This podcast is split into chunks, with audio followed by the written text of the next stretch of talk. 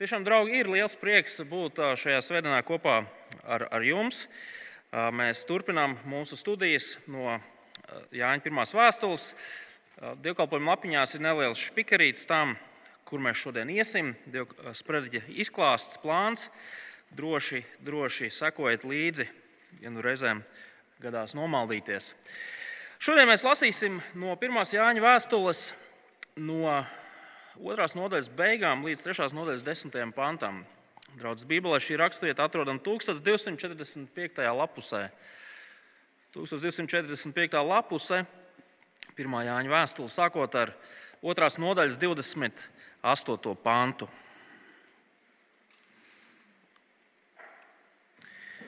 Jānis raksta, tā nu bērniņi palieciet viņā, lai kad viņš parādīsies, mums būtu paļāvība un lai viņam atnākot, mēs netiktu viņa apkaunoti. Jo jūs zināt, ka viņš ir taisns, tad ziniet, ka arī katrs, kas dara taisnību, ir piedzimis no viņa. Redziet, cik lielu mīlestību Tēvs mums ir dāvājis, ka tiekam saukti par Dieva bērniem, un tādi arī esam.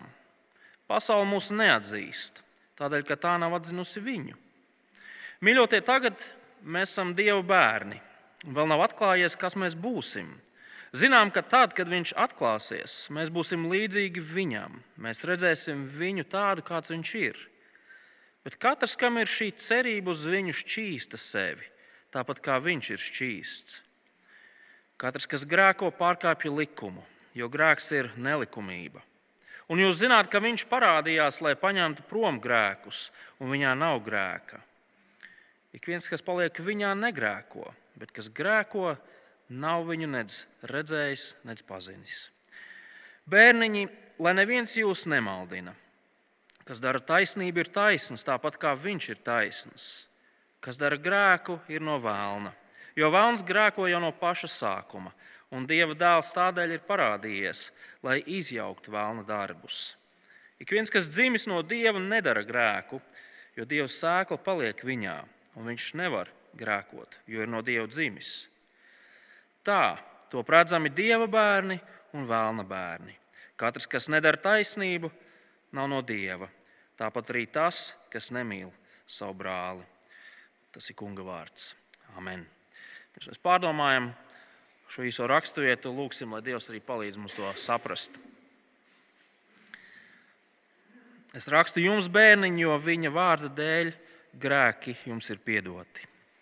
Debes Tēvs, mēs Tev šajā pēcpusdienā pateicamies par to, ka Tavs vārds ir vēsts par to, kā cilvēks var iegūt grēku piedošanu, kā cilvēks var iegūt mieru attiecībās ar Tevi.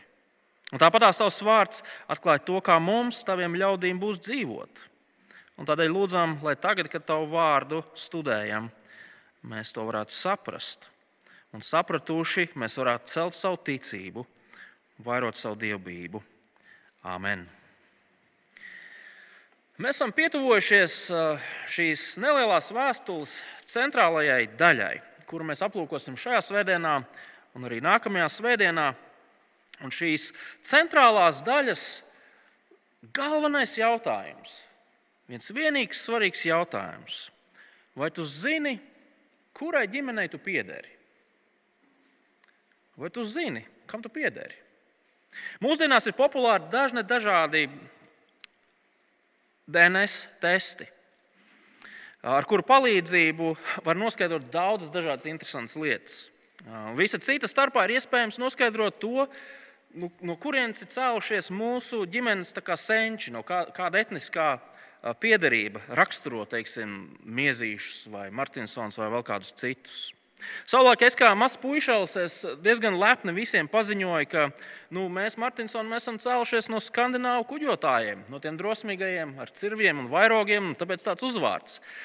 Protams, tā, tā realitāte ir daudz vienkāršāka, piezemētāka. Pirms pāris gadiem ar kādas draudzes māsas palīdzību mēs uzme, uzmetām uz papīra tādu nelielu mūsu Martinsona dzimtas koku un atklājās, ka mēs esam neesam nekas vairāk par, par parastiem vidzemes zemniekiem. Un, draugi, es godīgi pateikšu, es negribu taisīt to DNS testu, lai mana ilūzija pavisam nesabrūk. Taču Jānis nerunā par šāda veida testiem un šāda veida ģimenēm. Jānis raksta šo vēstuli, un viņš tur runā par cita veida ģimenēm. Skatieties, kā noslēdzās šīs dienas lasījums. Trešās nodaļas desmitais pāns, kas ir sava veida atslēgas pants visai šai sadaļai. Tā top redzami dieva bērni un vēlna bērni. Katrs, kas nedara taisnību, nav no dieva. Tāpat arī tas, kas nemīl savu brāli. Jānis saka, ka pasaulē pastāv divas lielas ģimenes. Un visi cilvēki pieder kādai no šīm divām ģimenēm. Ir dieva ģimene un ir vēlna ģimene. Un Jānis saka, ka ir veids, kā var noteikt, kurai ģimenei tad cilvēks pieder. Kurš tad ir mans tētis, ja gribat? Citiem vārdiem sakot, ir pierādījumi, ir izvērtējami pierādījumi, kas liecina par mūsu ģimenes identitāti. Un šajā nedēļā mēs aplūkosim pirmo pierādījumu, un nākamajā nedēļā Andrejs mums palīdzēs ieraudzīt otru. Nu, kā tad mēs varam zināt, kurai ģimenei mēs piederam? Atbilde ir vienkārša. Pēc tā, vai mēs darām taisnību. Ja cilvēks dara to, kas ir saskaņā ar Dieva vārdu, to, ko Dievs ir atklājis, viņš pieder Dieva ģimenei. Tik vienkārši. Un šī, šī pati ideja, varbūt jūs jau lasot, pamanījāt, šī pati ideja tiek izteikta raksturvietas sākumā, tā tiek izskaidrota raksturvietā, tā tiek atkārtot raksturvietas noslēgumā. Skatieties, kā sākās šī raksturvieta 29. pantā, 2. nodaļā. Ja jūs zināt, ka, ta, ka viņš ir taisns, tad ziniet, ka arī katrs, kas dara taisnību, ir piedzimis no viņa. Vai 3. nodaļas 9. pāns. Ik viens, kas dzimis no dieva, nedara grēku, jo dieva sēkla paliek viņā, un viņš nevar grēkot, jo ir no dieva dzimis. Un tas ir Jāņa rakstīšanas stils. Viņš pasaka galveno domu, 2,29. Tad viņš izskaidro šo galveno domu, 3. nodaļa, 1 līdz 8.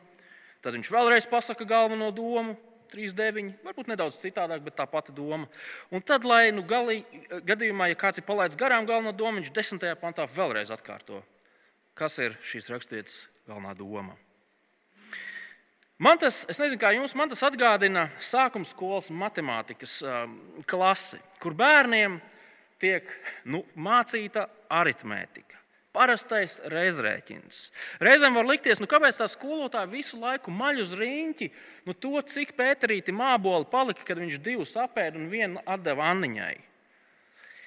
Taču mēs visi saprotam, ka tieši viena un tā paša principa, ja tā var teikt, iebetonēšana mūsos, no dažādiem leņķiem, aplūkošana, palīdzēs mums, tad, kad mēs matemātikā stāsimies pretī tādiem briesmoņiem kā sinusiem, kosinusiem un visiem pārējiem. Um, Jānis vēlas, lai nevienam šajā jautājumā nebūtu nekādu šaubu. Lai visi būtu pārliecināti par to, kas ir kas. Bet kāpēc Jānis par to vispār runā? Mēs jau esam runājuši šīs vēstules sakarā par to, ka Tajā laikā kristiešiem, kristiešu vidū bija uzradušies kādi, kuri lika viņiem šaubīties par viņu ticību. Un arī šajā raksturvietā tā viņš šķiet, tas ir rakstīšanas iemesls. Skatieties, 7. pantā. Bērniņi, lai neviens jūs nemaldina. Ir kādi cilvēki, kas kristiešiem liek šaubīties par to, kas viņi ir. Un vienlaikus kristiešiem ir šaubas par to, kas ir šie cilvēki, kas ar mums runā. Kā mēs varam būt droši, ka mums nevajag klausīties viņos? Kā mēs varam būt droši, ka mums nevajag iet un paskatīties, ko viņi tur dara? Un tā, draugi, lasot un pārdomājot šīs dienas raksturvietu, mēs varam iegūt stiprinājumu un drošību paši par sevi. It īpaši tajās situācijās, kurās mēs katrs reizēm atrodamies. Un, un situācijas, kurās mēs uzdodam jautājumu, nu, jā, bet patiešām, vai, vai es esmu Dieva bērns? Vai es esmu kristietis? Vai es varu būt par to drošs? Otrkārt, šīs dienas raksturvieta palīdz arī tiem cilvēkiem, kas sevi noteikti nesauc par kristieti, bet kas grib saprast, nu, kas tie kristieši tādi ir, nu, kas viņus raksturo. Šī raksturvieta brīnišķīgi parāda to, nu, kas tad raksturo kristiešus. Un visbeidzot, šie panti mums palīdz ieraudzīt to, kas tad nav kristietis. Kas pavisam noteikti nav kristietis. Tad nu, pavadīsim uh, nākamās 20 vai kā minūtes aplūkojot šīs divas ģimenes. Un kā jūs redzat, dievkalpojuma izklāsta lapiņā, tad lielāko laika daļu mēs pavadīsim pie pirmās ģimenes, un otrai mēs pavisam nedaudz pieskarsimies. Tad sāksim ar dieva, ar dieva ģimeni, ar dieva bērniem. Kas tad mēs esam? Izlasīsim vēlreiz, kā sākas trešā nodaļa, pirmie divi panti. Redziet, cik lielu mīlestību Tēvs mums dāvājis, ka tiekam saukti Dieva bērni un tādi arī esam. Pasaule mūs neatzīst tādēļ, ka tā nav atzinusi viņu. Mīļotie, tagad mēs esam Dieva bērni, un vēl nav atklājies, kas mēs būsim. Zinām, ka tad, kad tas atklāsies, mēs būsim līdzīgi viņam. Mēs redzēsim viņu tādu, kāds viņš ir. Šo raksturvietu, šo nodaļu Jānis sāk ar, ar tādu aicinājumu cilvēkiem apstāties un padomāt. Redziet, es jums pateikšu kaut ko ārkārtīgi svarīgu. Tādēļ nesteidzieties, neskrieniet šiem pantiem ātri pāri. Ja Jānis patiešām rakstītu maziņiem bērniņiem, tad viņš droši vien šajā brīdī notaptos, lai būtu viņu acu līmenī un uzsvērtu katra teikuma vārdu. Redziet, cik lielu mīlestību Tēvs mums ir dāvājis, ka tiekam saukti Dieva bērni. Un tādi arī esam. Par kristieti saskaņā ar Bībeli var kļūt tikai tad, kad Dievs mūs pieņem savā ģimenē. Tā ir dāvana. Dievs to dāvā. Tas mums tiek pasniegts, mēs to saņemam. Tas nozīmē, ka par kristieti nav iespējams kļūt paša spēkiem. Tieši tāpat kā nav paša spēkiem iespējams kļūt par jebkuras dabiskas ģimenes locekli pareizi. Jānis šeit lieto adopcijas valodu. Adopcijas procesā kāds, kurš nav ģimenes loceklis, kļūst par pilntiesīgu ģimenes locekli. Mantinieku mēs pat varētu teikt. Un tieši tas ir tas, ko Dievs ir izdarījis ar cilvēkiem. Viņš cilvēkiem ir dāvājis iespēju būt par viņa bērniem. Taču visā šajā jau tā pārsteidzoši brīnumainajā patiesībā ir vēl kaut kas pārsteidzošāks. Tad, kad cilvēki nolēma adoptēt kādu bērnu, sākas ļoti garš un sarežģīts process. Adopcija nekad nenotiek tā uz dūlu un uz fikso, pareizi. Un laikam ar nožēlu ir jāsaka, ka cilvēki parasti adoptējot kādu bērnu, pievērš uzmanību tādām lietām kā izskats, prasmes, raksturs, kaut kāds potenciāls, kas šim bērnam piemīt. Taču Dieva gadījumā viss notiek pavisam citādāk. Viņš mūs pieņem nevis tāpēc, ka mēs esam skaisti, labi, raksturā stabili un ar kaut kādu vairāk vai mazāk, bet nu, tomēr potenciāli nākotnē. Nē, Dievs mūs pieņem tikai viena iemesla dēļ. Tāpēc, ka Viņš pats grib. Bet ir vēl pārsteidzošāk. Dievs glābi un savā ģimenē uzņem cilvēkus, kas ir pilnīgi huligāni, kas iemi, ienīst, kas nemīl Dievu. Un neviens pie vesela saprāta esošs cilvēks nekad tādus bērniņus nevēlētos uzņemt savā ģimenē. Cilvēki grib eņģelīšus. Bet Dievs mūs ir vēlējies pieņemt par spīti visam tam melnumam, ļaunumam un grēkam, kas mūs raksturo. Dievs mūs ir pieņēmis. Padomājiet par to! Redziet, kādu mīlestību Dievs mums ir parādījis. Mēs tiekam saukti par Dieva bērniem. Un Jānis saka, nē, nē, nē, ne tikai saukti. Mēs tādi esam. Mēs patiešām tādi esam. Reizēm mums kā cilvēkiem liekas, ka mums ir kaut kas jāizdara, lai, lai, lai tā teikt, pielabinātos Dievam, lai, lai kļūtu Dievam mīlamāki. Bet patiesība ir tāda, ka Dievs ir izdarījis visu. Mums Dievam nekas nav jāpierāda. Mēs esam viņa mīlestības cienīgi, tāpēc ka Viņš mūs ir padarījis par saviem mīļotajiem bērniem.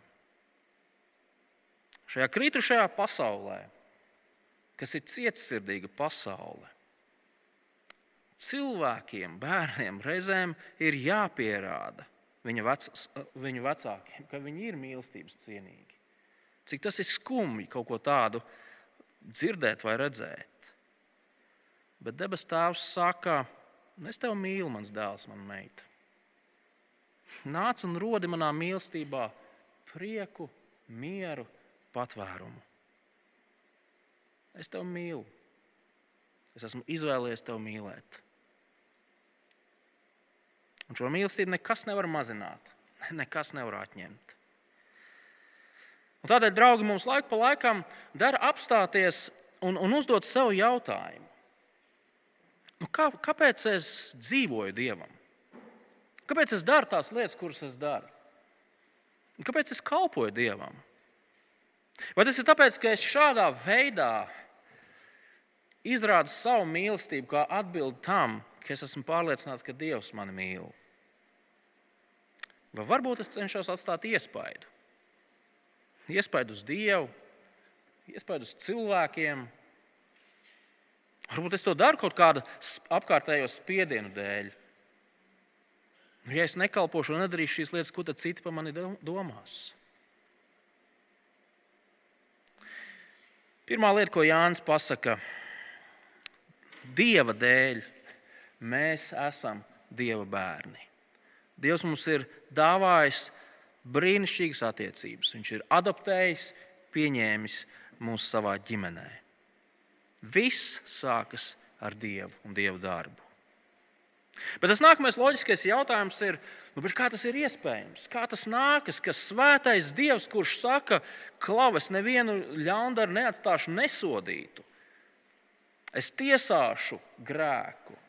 Kāds nāks, ka šis svētais Dievs mūs sauc par saviem bērniem?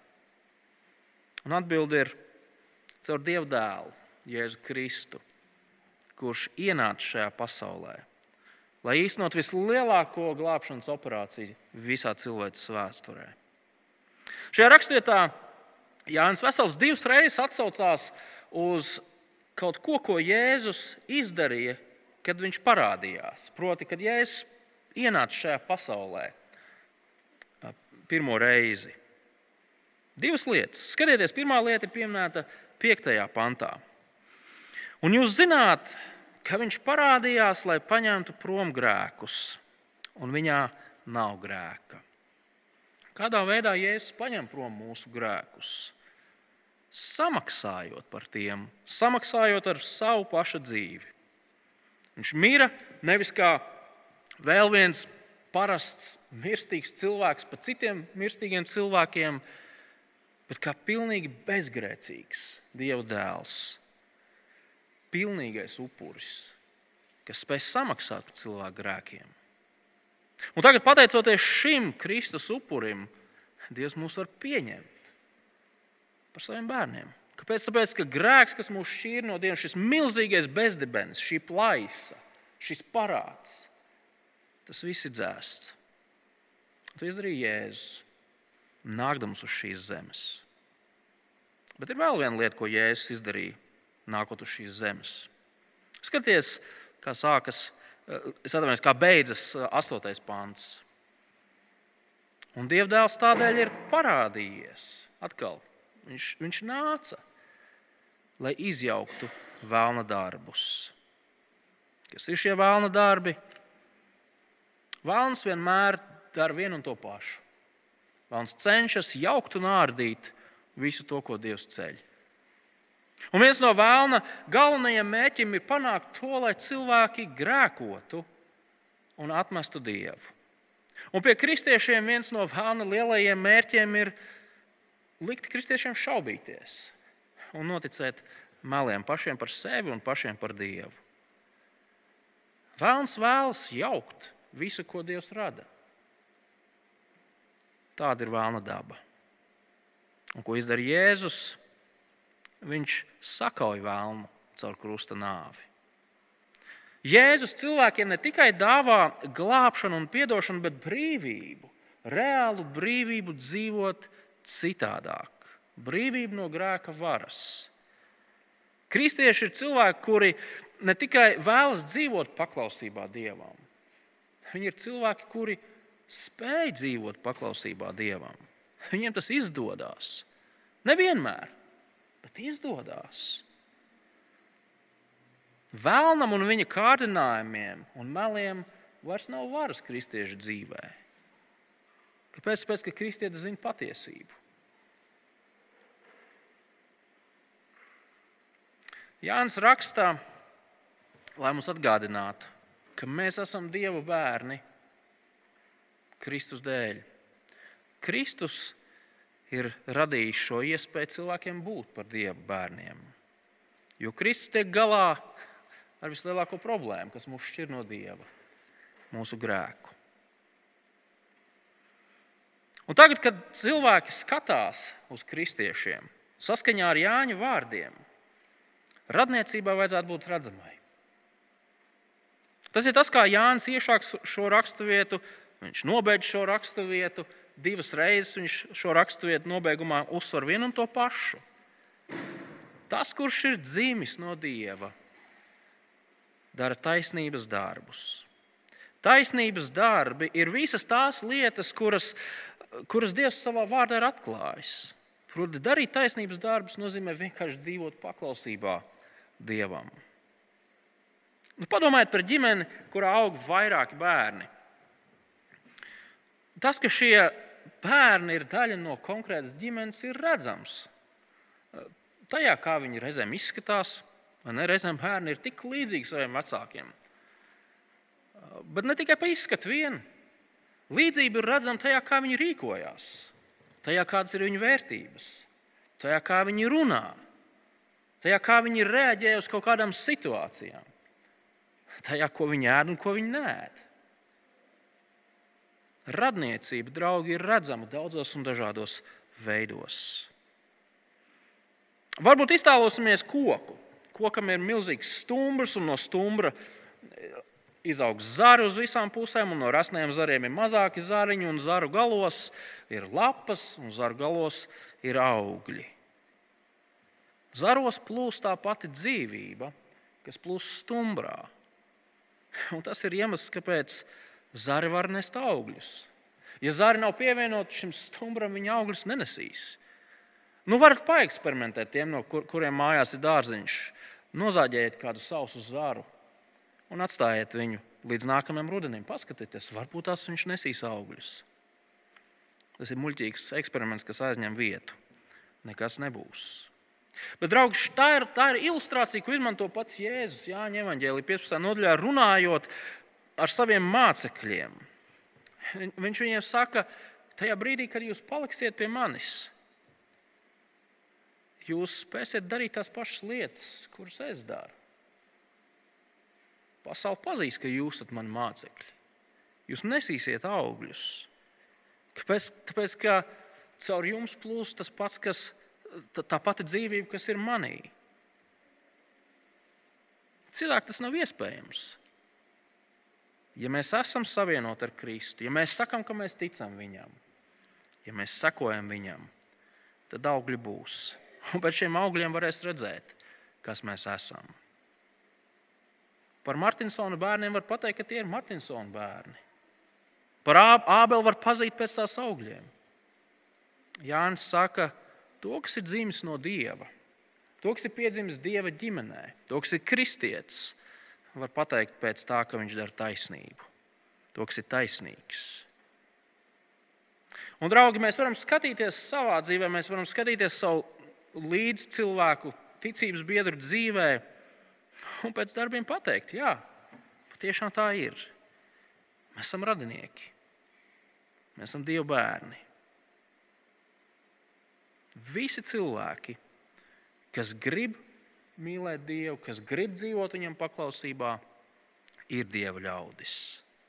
Tik vienkārši, tik droši. Bet ir vēl viena lieta, ko Jānis tā garām ejot, iemet šajos pantos. Un proti, Jānis vēlas, lai mēs arī paskatītos nedaudz nākotnē. Kas tad mūs kā dieva ļaudis sagaida nākotnē? Jēzus ir nācis, lai radītu lielo dieva ģimeni, bet Jēzus nāks otrais. 28. pāns. Tad, nu, bērniņi, palieciet viņā, lai kad viņš parādīsies, mums būtu paļāvība un lai viņam atnākot, mēs netiktu apkaunoti. Kristieši mēs visi satiksim savu kungu. Un viņš izvērtēs to, kā mēs dzīvojam, bet mums nav jābaidās no šīs satikšanās. Jā, ļoti iespējams, kādam no mums būs lietas, par kurām sarkt tajā brīdī, kad kungs ar mums runās. Bet mēs tik un tā esam viņa bērni. Bet skatieties dažus pāns uz priekšu. Otrais un trešais pāns, trešā nodaļā. Mīļotie, tagad mēs esam Dieva bērni, un vēl nav atklājies, kas mēs būsim. Zinām, ka tad, kad tas atklāsies, mēs būsim līdzīgi viņam. Mēs redzēsim viņu tādu, kāds viņš ir. Bet katrs, kam ir šī cerība uz viņu, šķīsta sev tāpat, kā viņš ir šķīsts. Vai jūs redzat, ko Jānis apsola Dieva bērniem? Kas ir tas, ko viņš apsola viņiem? Tad, kad mēs skatīsim Kristu vaigu vaigā, mēs piedzīvosim radikālas izmaiņas. Mēs kļūsim līdzīgi viņam. Tas nenozīmē, ka mēs kļūsim dievišķi kā Jēzus. Nē, tas to nenozīmē. Mēs kļūsim pilnīgi kā Viņš, paklausībā, taisnumā un bezgrēcīgumā.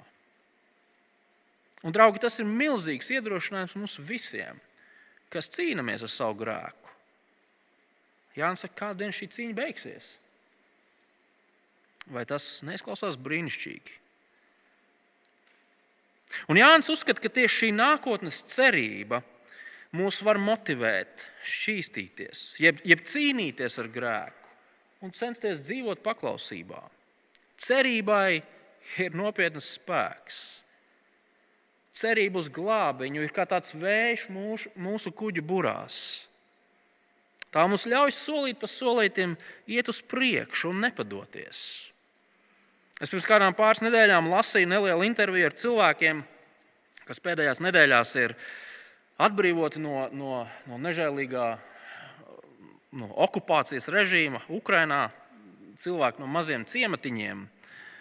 Un, ziniet, kāda bija viena no atbildēm, ko šie cilvēki deva par to, kas viņiem de, ir devis spēku turpināt dzīvot tajās šausmās?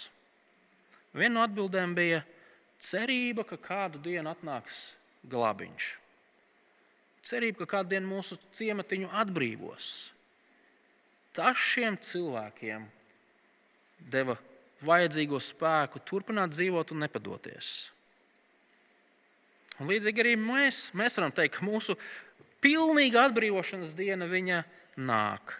Tas ir tas, kas mums ir apsolīts.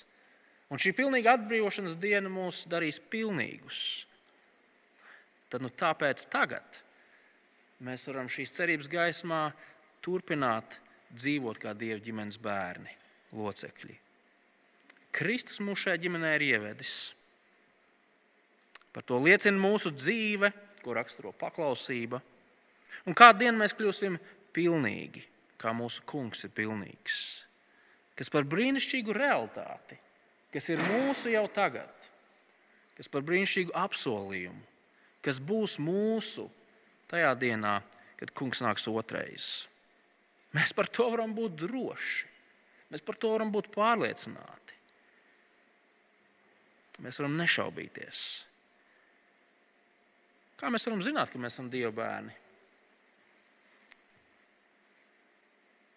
Tad, ja mēs gribam dzīvot saskaņā ar to, ko Dievs ir atklājis, ja mēs darām to, kas ir taisnīgs, ja mēs darām tos darbus, kurus ir darījis pats kungs.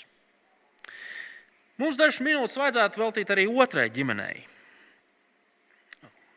Vēlna ģimenei, vēlna bērniem. Mēs jau noskaidrojām, ka radniecību dieva ģimenē var noteikt pēc tā, ka mēs darām taisnības darbus. Un tieši tāpatās ir ar, ar, ar šo otru ģimeni, ar vēlna ģimeni. Tie, kas nedara taisnības darbus, tie grēko. Un kas grēko, tie nepiedara dieva ģimenei. Un Jānis šo domu šajā trešās nodaļas iedā viņš viņu paskaidro solīt pa solītim. Skatieties, 4. pantā, kur viņš pirmo reizi saka, katrs, kas grēko, katrs, kas grēko, pārkāpj likumu, jo grēks ir nelikumība.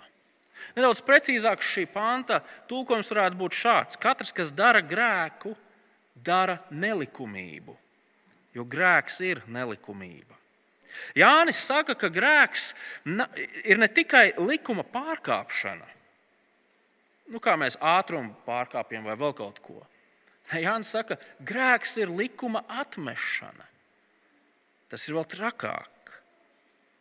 Grēks ir nevis kājas paslīdēšana, bet apzināta rīcība, kas jau no paša sākuma pasaka sakojošo. Tas likums, kas man tiek rādīts, tas nav likums, kuram es gribu paklausīt. Es radīšu citu likumu. Un šī likuma devējs, es viņu neklausīšu. Kāpēc? Jānis saka, atmetot likumu, dievu likumu, mēs automātiski atmetam arī pašu dievu, šī likuma devēju. Un tas mums novada pie Jāņa šī argumenta otrā soļa. Skatieties, sastajā pantā. Ik viens, kas paliek viņā, negrēko, bet kas grēko, jeb dara nelikumību, nav viņu redzējis, nedz pazinis. Cilvēks, kurš šādi atmet dieva atklāto gribu, norāda uz to, ka viņš patiesībā nemaz nepazīst dievu. Un nav svarīgi, cik garīgs, cik apgarots, cik cienījams šis cilvēks arī nebūtu. Nav svarīgi, vai viņš sevi sauc par kristieti, vai viņš sevi pieskaita kristīgai baznīcai, vai viņš piemin Kristus vārdu kaut kādās savās sarunās. Tas viss ir nebūtiski. Ja šis cilvēks atmet to, ko Dievs ir teicis, un, un klāji un skaidri nedara to, ko Dievs ir teicis, šāds cilvēks nepazīst Dievu. Un tad seko Jāņa āmura pēdējais sitiens. Skatieties, 8. pantā kas dara grēku, ir no vēlna, jo vēlns grēko no paša sākuma. Cilvēks, kurš ir atmetis dievu vārdu un nevēlas dzīvot paklausībā tam, viņš nepazīst dievu. Vēl trakāk, viņš ir vēlna bērns. Un, un šeit mums ir svarīgi saprast, ko tas nozīmē. Vēl, būt par vēlnu bērnu nenozīmē, ka mēs kļūstam par kaut kādām tādiem, tādiem dīvainiem radījumiem, ar izvalbītām acīm, kā golumam no gradzena pavēlniekiem vai no citām šausmu filmām. Būt par vēlnu bērnu nenozīmē to, ka mēs tagad pagrabā dzersim kaķu asinis vai uh, izsauksim garus un kaut ko tamlīdzīgu. Draugi, tās visas ir karikatūras. Un tas ir stulbas karikatūras. Un šīs stulbās karikatūras mūs patiesībā novērš no kādas pavisam svarīgas patiesības, ārkārtīgi nopietnas patiesības. Patiesība ir tāda, ka nav tādas neitrālās ļaužu masas. Mums reizēm liekas, ka ir tie dievam ticīgie, tie, tie svētie vai ne tie apgarotie, un tad ir tie, kas tās kaķu asins tur dzer, kas tur pielūdz sātanu un visas citas lietas. Un tad mēs visi pārējie mēs esam kaut kur pa vidu. Tādi, nu, tādi, nu, tādi gana labi cilvēki. Ko par to saka Jānis? Jānis runā ļoti melnbalti. Un man kā pusdaltoniķim tas patīk. Jānis saka, ir tikai divas lielas ģimenes. Tur piederēt dieva ģimenei, vai arī tur piederēt dieva ienaidnieku ģimenei. Un tas, ko tu dari ar Dieva atklāto vārdu, parādīs to, kurai ģimenei tu piederi. Tur nav nekādu trešo opciju, tur nav nekādu izņēmumu, nekādu variantu, tur nav nekādu mazo burtiņu zem līguma, tur nav nekādu robu likumā. Vai nu viens, vai otrs. Un šie vārdi, piekritīsiet, ir ļoti skarbi, ļoti tieši, ļoti nopietni. Un varbūt kāds šeit teiks, draugi, Jānis saka, ka vēlna bērni ir visi, kas grēko. Es tā kā ticu Kristum, bet man sanāk arī grēkot. Nu, kas tad ar mani būs? Kas tad es īsti esmu? Draugi, ja jūs sevi uzskatāt par kristiešiem, un jums šie vārdi liek satraukties un satrūkties, klausieties sekojošo. Mēs jau esam redzējuši šajā raksturvietā to, ka Jānis šīs raksturvietas ietvaros par grēkošanu uzskata šo apzināto izvēli, noraidīt to, ko teicis Dievs, atmest likumu, atmest to, ko Dievs ir teicis. Sakiet, kā jūs jūtaties tajā brīdī, kad jūs grēkojat? Vai tas jūs skumdina? Vai jūs to nevēlaties atkārtot, vai jūs to nevēlaties darīt un turpināt? Vai jūs to nožēlojat? Vai jūs par savu grēku raudat, burtiski un pārnestā nozīmē? Ja jūs uz šiem jautājumiem atbildēt, jā, tad jūs varat būt droši, ka jūs esat Dieva bērni. Jūs esat Dieva bērni, jūs esat kristieši. Bet kā Jānis teica, Mums, ceļa, mums priekšā stāv šķīstīšanās process. Šis garais ceļš, kurā mēs cīnāmies pret grēku. Bet mūsu grēks mums neatņem mūsu ģimenes statusu. Turklāt Jāņa vēstules sākumā Jānis ļoti skaidri runāja par to, ka mēs visi grēkojam. Cilvēks, kurš saka, ka viņš negrēko, ir melis. Tā saka Jānis. Un otrās nodaļas sākumā Jānis rakstīja, draugi, ja jūs grēkojat, tad nožēlojiet un, un sauciet uz Kristu, kurš ir mūsu grēku izpircējs. Un dariet to bez bailēm, droši.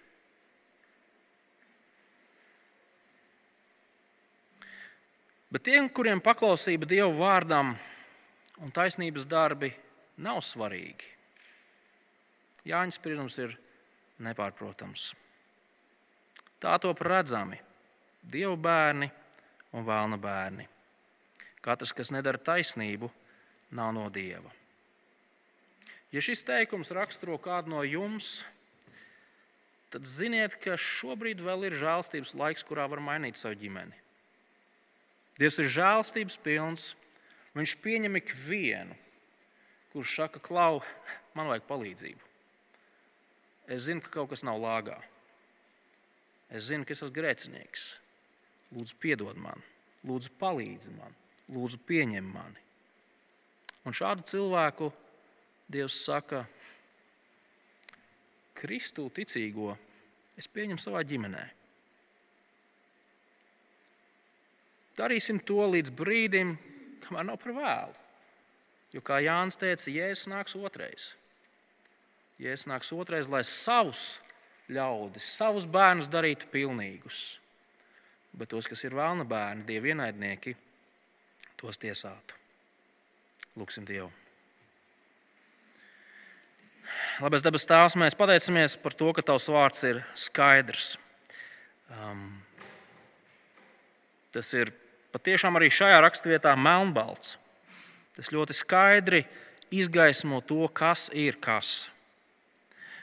Lasot šo raksturvietu, mēs patiešām gribam pateikties par tavu milzīgo žēlastību. Bez tavas žēlastības mēs visi būtu vēlna bērni, kas noraida tevi, kas dara tikai to, kas mums pašiem patīk. Tādējādi dzenot mūsu vēl lielākā un lielākā postā. Taču Tēvs, mēs pateicamies par Tavu žēlstību. Tu mūs pieņēmi, kad mēs bēgām no Tevis, Tu mūs izglābi, kad mēs to negribējām, Tu mūs piedevi, kad mēs piedošanu neprasījām. Debes Tēvs, un mēs lūdzam, lai šī brīnišķīgā patiesība mums visiem dod patiešām šo vēju burās, ka mēs varam iet uz priekšu, ka mēs varam turpināt savu cīņu pret mūsu grēkiem, kas, kas uh, ikdienas ap mums pinās. Un tāpēc tās mēs lūdzam, lai šo cerības vēsti mēs varētu sludināt arī citiem mūsu līdzcilvēkiem. Tās bez Kristus glābjošā darba cilvēkam nav cerības ne šajā dzīvē, ne mūžībā. Tādēļ lūdzām, izmanto mūs, kad mēs tavu vārdu sludinām, un glāb daudzus, jo daudzus. Lai beig beigās, kad mēs tā kunga dienā stāsimies visi tavā priekšā, tas ģimenes salidojums būtu milzīgs. Miljoniem un miljoniem cilvēku, kas ir dzemdināti un kas ir darīti līdzīgi tavam dēlam. Tā ir mūsu lūgšana un cerība Kristus vārdā. Amen!